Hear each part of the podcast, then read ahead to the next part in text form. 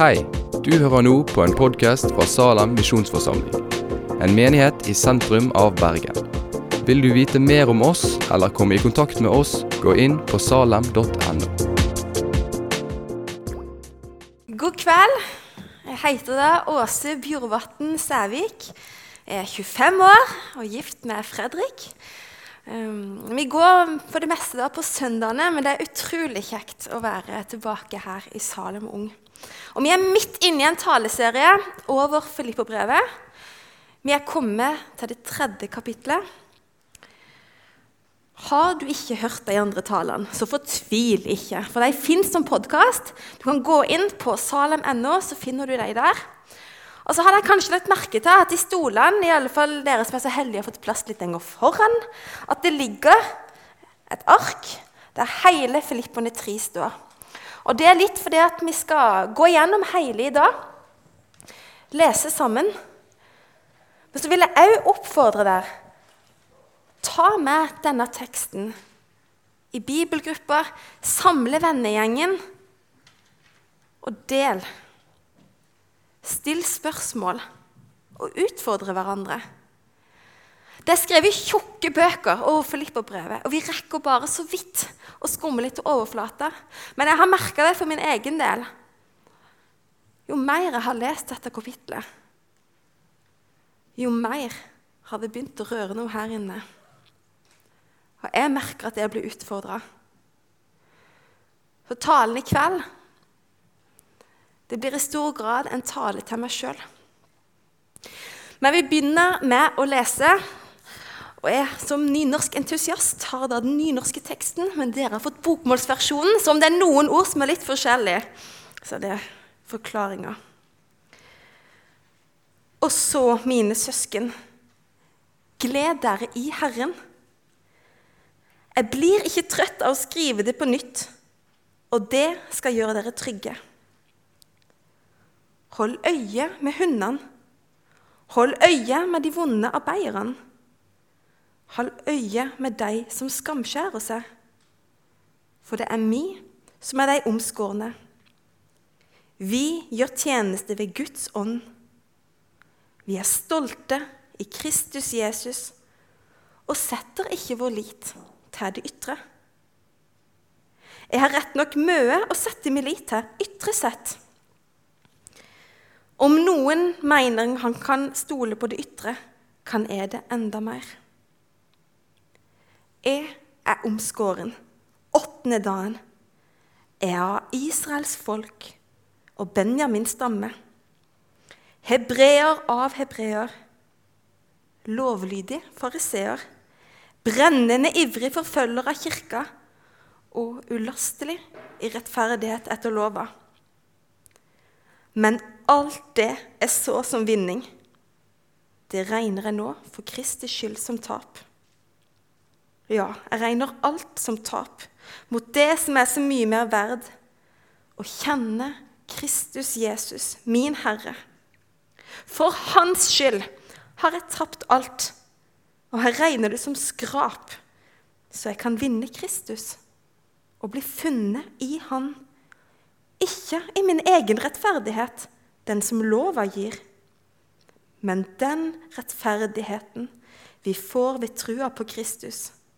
Rettferdigheten fra Gud, bygd på trua. Da kjenner jeg Han og kraften av Hans oppstandelse. Får del i Hans lidelser og blir lik Han ved at jeg dør som Han om jeg bare kunne nå fram til oppstandelsen fra de døde. Jeg mener ikke at jeg alt har nådd dette, eller alt er fullkommen. Men jeg jager etter det for å gripe det, for jeg sjøl er grepen av Kristus Jesus. Mine søsken, jeg tror ikke om meg sjøl at jeg har grepet det, men ett gjør jeg jeg gjemmer det som ligger bak, og strekker meg mot det som er framfor, og jager mot målet, mot den seiersprisen som Gud fra det høye har kalt oss til i Kristus Jesus. La oss se på det på denne måten, alle vi som har nådd fram til modenhet. Og er det noe dere ser annerledes på, skal Gud òg åpenbare dette for dere. La oss bare, så langt vi er kommet, holde fram i samme sporet. Følg forbildet mitt, søsken, og se opp til de som lever etter det forbildet de har i oss. For som jeg har sagt mange ganger før, og nå sier jeg det med tårer i øynene Mange lever som fiender av Kristi kors. Fortapelse blir utgangen deres. Magen er guden deres. I skam setter de sin ære, og de søker bare det jordiske. Men vi har vår borgerrett i himmelen og derfra venter vi Frelseren, Herren Jesus Kristus. Han skal omskape denne svake og skrøpelige kroppen og gjør han lik den kroppen han sjøl har i herligdommen. For han har, all, han har makt til å legge alle ting under seg. Og be helt kort. Kjære Gud, jeg takker deg for ditt ord. Og jeg ber at det som er fra deg i dag, må røre med hjertene våre. Og det som ikke er fra deg, la det falle dødt til jorda. Amen. Hvis jeg skal oppsummere hele Filipperbrevet i ett eneste ord, så må det være dette glede. Det er en overstrømmende glede som går som en rød tråd gjennom hele Filipperbrevet. Og Det er kanskje særlig det neste kapittelet, kapittel 4, som er kjent for disse lovprisningene og gledesutbruddene. Men vi traff på det allerede her, i første verset vi oss. Og det er så viktig. Vi stopper òg litt det nå i kveld. Gled dere i Herren. Jeg blir ikke trøtt av å skrive det på nytt. Og kanskje gir det gjenklang hos deg. Men kanskje kjenner du på alt annet enn glede i kveld. Eksamen som nærmer seg. Ensomhet. Kjærlighetssorg. Og noen av dere har opplevd mer smerte og mer lidelse enn de fleste gjør i løpet av et helt liv. Og hvis du kjenner på det, at glede, det er langt borte, så skal jeg si en ting. Når det står 'gled der i Herren', så er det ikke en oppfordring til å klistre på falske smil eller fortrenge vonde følelser. Nei, Guds ord, Bibelen, snakker sant om livet. Men der livet kan ha oppturer og nedturer, så fins det ei kilde til glede som er konstant. Det betyr at det er fullt mulig å lovprise Gud og samtidig synes at livet er noe herk. Profeten Jeremia han viser det på en glimrende måte. Bare hør hva han skriver i kapittel 20, vers 13-14. Syng for Herren, lovpris Herren, for han berger livet til den fattige fra voldsmannens hand. Og så, i neste vers Forbanna er den dagen jeg var født. Den dagen mor mi fødte meg, skal ikke være velsigna. Og dette er sterkt. Og Paulus, som skriver dette brevet, han visste jo veldig godt hva lidelse var. Han var piska, han var slått, han var steina, forsøkt drept, forfulgt, frøys og sulta. Hans egne landsmenn ønska han død. Og Det er derfor han sitter i fengsel. Han har anka saka si til keiseren. Denne keiseren er forresten eh, Nero, en av de vi kanskje forbinder med kristendomsforfølgelse på sitt verste. Og likevel kan ikke Paulus annet enn å bryte ut i lovprisning. Glede i Herren. Men så vet Paulus at det fins mange som jobber hardt for å ta bort denne gleden. Fra han og for alle som elsker Jesus. Og han holder ikke tilbake når han advarer mot disse. I vers 2.: Hold øye med hundene. Og det er ikke det sånne små, søte hundevalper. Hunder var symbolet på det ureine og det umoralske. I dag ville vi sagt rotter. Pass deg for rottene! Pass deg for de onde arbeiderne som sprer løgn. Og pass deg for skamskjærerne. Og for oss så kan dette høres ut som karikering og overdrivelser, men grunnen til at Paulus bruker så sterke ord, er at han egentlig bare advarer mot livet han sjøl levde. Han sier det rett ut. Jeg, jeg var den fremste av de alle. Holdt alle bud i lova. Og likevel Alt dette har han gitt tapp på. Det har skjedd noe. Og vi skal spole litt tilbake. Paulus, som ung, rettferdig jøde, for et spesialoppdrag. Bruk din brennende lidenskap for å forfølge kirka og dra til Damaskus. Fang så mange du kan. Paulus på vei. Men så skjer det noe. For midt på lyse dagen så kommer det et sterkt lys.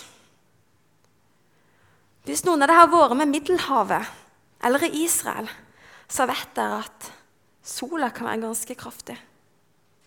Men sola bleikna når Jesus kom med sitt lys. Og dette lyset brukte Jesus til å skinne inn i hver mørk krok av Paulus sitt liv. Alt Paulus hadde gjort, alt han hadde sagt og alt han hadde tenkt, som var imot Guds gode vilje. Nå fikk han se det. Gud hadde visst det hele veien. Men Paulus fikk opp øynene. Og han forsto for første gang det hjelper ikke om jeg har all intellektuell kunnskap om Gud. Det hjelper ikke om jeg holder alle buda så nær som ett. En eneste egoistisk tanke. Om vi kommer til kort i møte med Guds hellighet og hans fullkomne standard. Og dette syns jeg er utfordrende. Det kan virke urimelig. Er det så farlig med bare den lille? Men, men hvis Gud hadde firt på krava, ville himmel da vært himmel? Hvis himmel skal være et sted der det er fullkommen fred og kjærlighet og glede. Da er det ikke plass til synd. Men for ca. 2000 år siden så skjedde det noe. Gud tok sjøl bort det som skilte oss fra Han. Det betyr det er ikke lenger synd som hindrer oss fra å ha en evighet med Gud. Gud tvinger ingen. Om ikke du vil, så skal du få slippe. Men vil du ta imot, så står han klar med åpne armer. Gud ble menneske. Han levde det livet vi ikke makter. Han døde i vårt sted og sto opp igjen.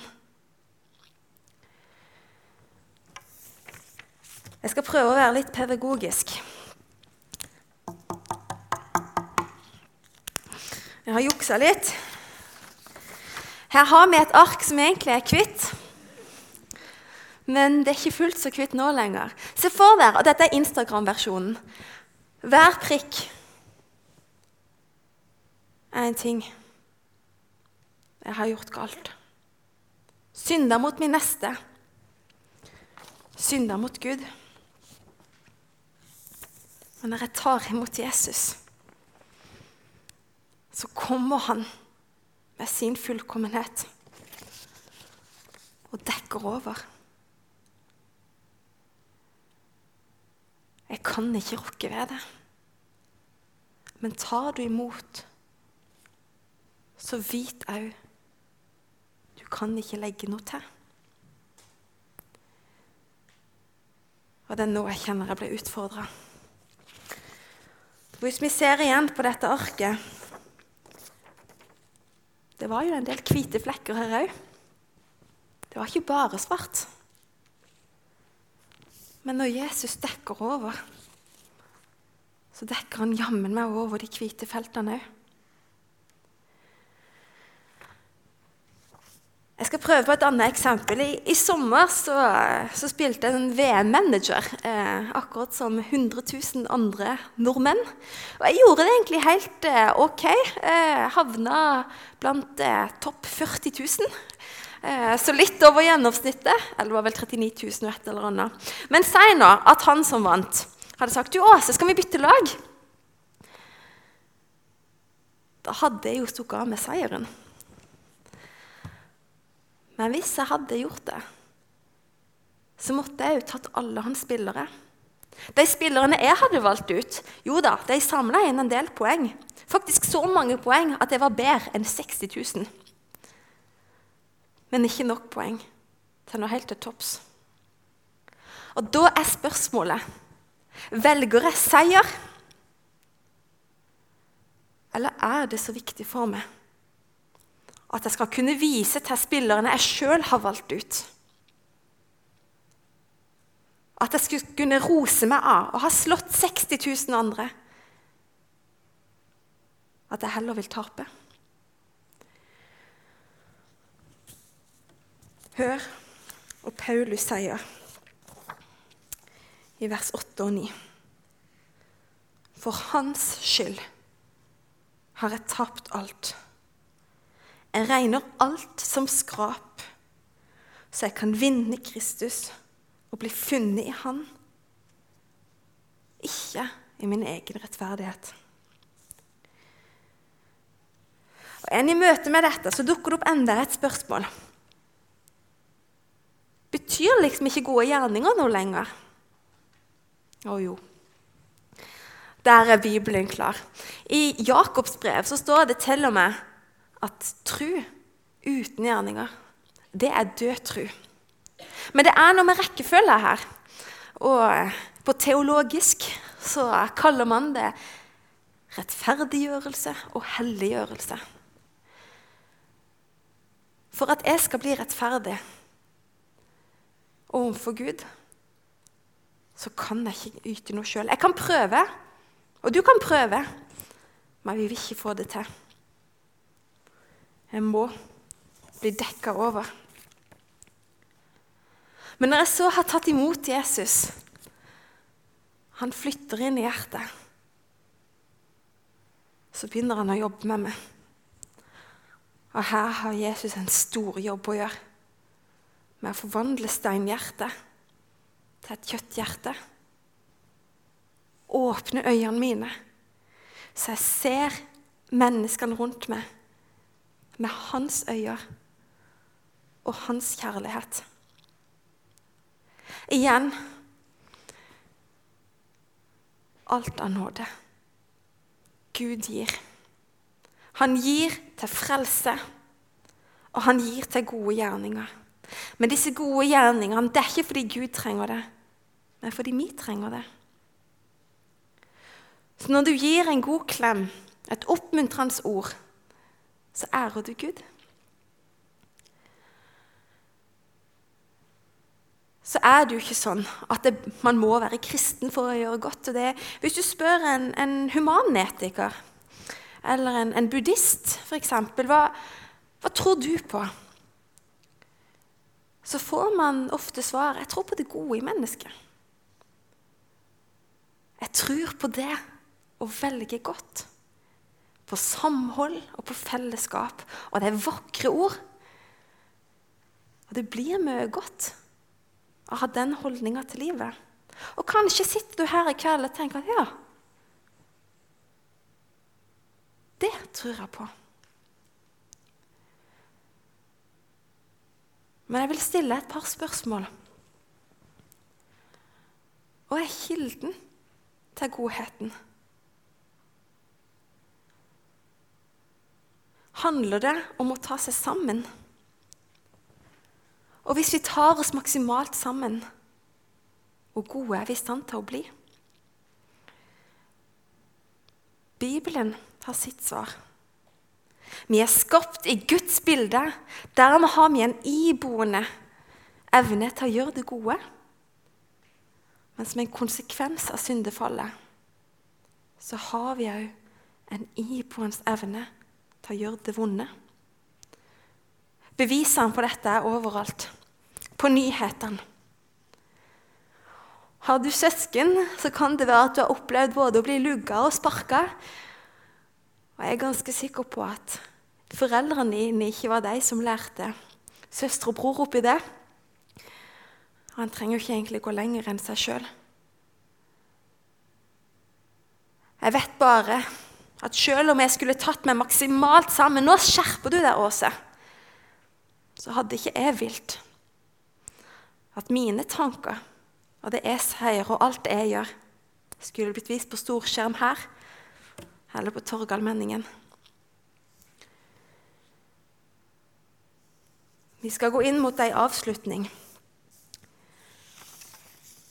Og jeg skal være ærlig. I møte med Filipperne 3 og i møte med Bibelen så føler jeg at jeg havner i to grøfter. På den ene sida så ser jeg så tydelig at livet mitt det er så langt vekke ifra sånn Gud er. Og på den andre sida så har jeg så lyst til å ha noe å vise til. Noe å skryte og rose meg på egne vegne overfor Gud. Og hvis noen av de samme tankene dukker opp i hodet ditt La oss lese hva Paulus sier fra sitt trosliv, fra vers 12. Jeg mener ikke at alt har nådd dette, eller alt er fullkommen. Men jeg jager etter det for å gripe det.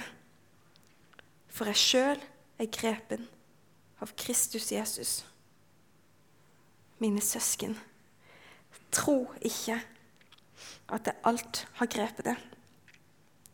Jeg tror ikke om meg sjøl at alt har grepet det, men ett gjør jeg. Jeg glemmer det som ligger bak, og jeg strekker meg mot det som er framfor. Og jager fram mot målet, mot den seiersprisen som Gud ifra det høye har kalt oss til i Kristus Jesus. Så lenge vi lever her på jorda, så vil vi være i en evig dragkamp mellom det gode jeg vil gjøre, og altfor sjeldent gjør. Og det vonde jeg ikke vil gjøre,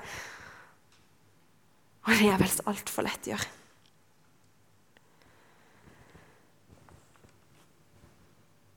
Men så Siste verset er et løfte. For en dag så skal Gud omskape denne svake og skrøpelige kroppen vår og gjøre han lik hans egen kropp, hans egen herlighet, For han har makt til å legge alle ting under seg. For meg er det umulig. Som menneske er det umulig. Men for Gud er allting mulig. Det er så mye mer vi kunne ha stansa ved i dag. Men igjen vil jeg oppfordre ta teksten med dere i bibelgruppa. Samle vennegjengen. Del. Utfordre hverandre og be. For Guds ord det skiller seg fra alt annet som er skrevet, ved at det er levende. Og når vi får komme nærmere Han og Hans ord, så begynner Han å jobbe med oss. Okay. Herre Jesus, takk for at ditt ord er sant. Gi oss å holde oss nærme deg. Skape oss nye hjerter, så vi blir likere deg ditt navn. Amen.